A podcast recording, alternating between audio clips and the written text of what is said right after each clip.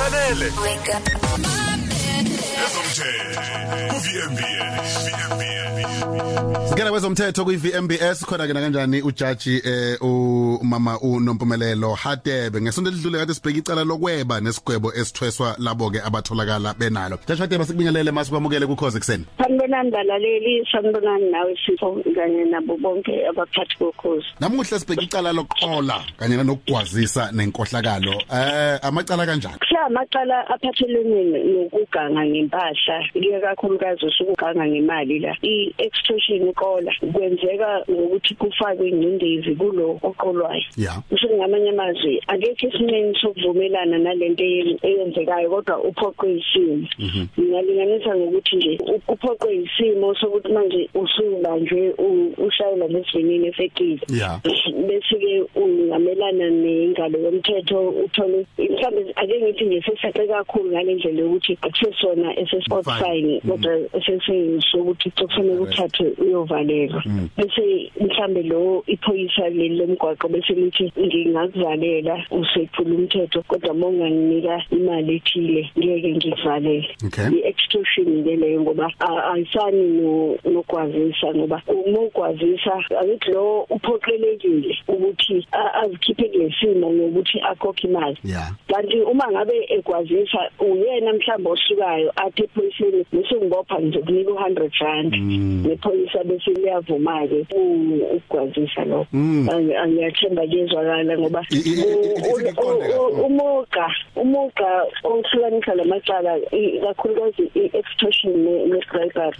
Uthi hayi isikhathi esiningi ngiyayibona kufuna ubufakazi lo we-extortion uyena ovame ukuhamba ayovula icala ukuthi naku ngithole ngesesimeni esikanje iphoyisa laselithi angikhokhe imali i- lizongangibuki ngithi yabona lapho ukuthi uyena lo kade efake ingcindezini ongahamba ayovula lelo cala bese bese kuyaphenyana Okay. kutholakala ukuthi inhloboni yofakazi ngoba ubufakazi sipho ibona kwesinye isikhathi okusizayo ubufakazi obukhona ibona okusizayo ukuthi umnqamule icala ukuthi leli lingena ngapha leli lingena ngapha Ubufakazi Bese-ke- obusuke busebenza lapha obunjani? I- I-proof yokuphotocopy nokushutha imali leyo njalo njalo. cha adingi ukuthi ungaze ufake isithombe semali. Inhlobo yobufakazi ngenzeka kwesinye isikhathi uma ngabe bethola ukuthi ufakazi abezimele endaweni ethile bese kwenziwa izinto ezithile zokucupha. Njengokuthi kuthiwe vuma ukuthi uzomnika le mali. Yabo njengale yokuthi uzomnika le mali kodwa hlanganani mhlambe e-restaurant ethile bese kuba nama-undercover lokusithi abacashile ukuze bakubambe eqotsheni bese kuthi nemali abakunike yona mhlawumbe ukuthi yona ozomnika yona i- inoma kuthile abazobona ngayo ukuthi yona. Ngoba ngenxa yokuthi kunzima ukubamba le ufakazi ukukhokha ufakazi kwezinye indawo okunjengalo. Kwesinye isikhathi umuntu usuke ezinto engajwayelekile emphakathini eyicala Yeah. mhlambe njengokuthi umuntu ngekuthatha icala elani enganakekile U- u- u- ucha- uyachama la eh, emphakathini public indecent bese banjwe iphoyisa bese nithi ngikubambe uchama kodwa ngi- ngingakubopha naboza nkosi kodwa ke eh ngeke ngikubophe uma ngabe ukhokha imali bese uyakhokha. Yeah. ngifuna ukulinganisa ngecala elincane nje. Ingaze ingaze sikhuphuke kakhulu. Ngoba i- i- ukwenzeka kwalo kona kuyafana. Bese kuya ngegaba ke ukuthi i- isigaba likusiphi isigaba ngokuthi kumele ingaka ligwetshwa kangaka kumele ingaka ligwetshwa kangaka. Kanti la elokugwazisa kanye nelenkohlakalo futhi nawo ahlobene. Ngokomthetho ojwayelekile esithi common law ongashicilele ilele e- esasithi nje phecelezi esijwayele ukuthi bribery. Kuthe-ke ngo-1992 kwashicilelwa umthetho i-corruption act. Yeah.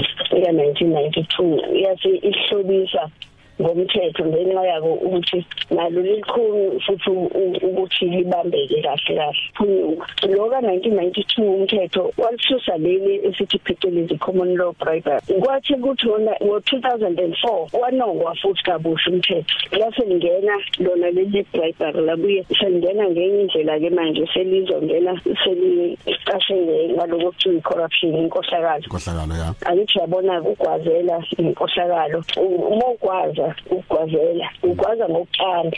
Nalo omukela imali uyimukela ngokuthanda. Thanda ya. Nayo i-corruption nobabili inkohlakalo inkohlakele nje no- nobabili noma nonke engene kulelo cala i-corruption lapho le- le nkohlakalo ke lilabe ukudlula leli le-bribery eh lokugwazisa lana u- ungabala izinto nje eziningi imikhuba eminingi engekho emthethweni eyezwayo. Njengokunikeza u- u- noma kusho ukuthi okhohlakele nokhohlakalisiwe bayefana unikela unikeza noma ukwamukela ubongwa ngemali noma ngesikhundla noma kuthiwe uzobonga ngokuthi uthole ivoti ukuthi ungene esikhundleni esithile. Noma okanye u- ufuna i-promotion usuzongena ke ku-corruption ukuthi nginika le mali ngikhokha le mali Ngakwazi uzongipromote. Eh, bese uthola ukhuphukayo esikhundleni. Kutholakale ukuthi cha thole ngenkohlakalo bathi nibabili ninobabili la lo okunike lesikhundla nawe osithole nge- ngenkohlakalo nobabili nisecaleni Okay isikhathi sethu savuma umjaji kodwa bengafuna sivale ngokuthi i- ithini minimum ye- yeyigwebo oyitholayo la ku- ku- ku- kule ikakhulu lokuqola ngokunjalo nenkohlakalo ukugwazisa Eh kuleli lokola kuya ngenani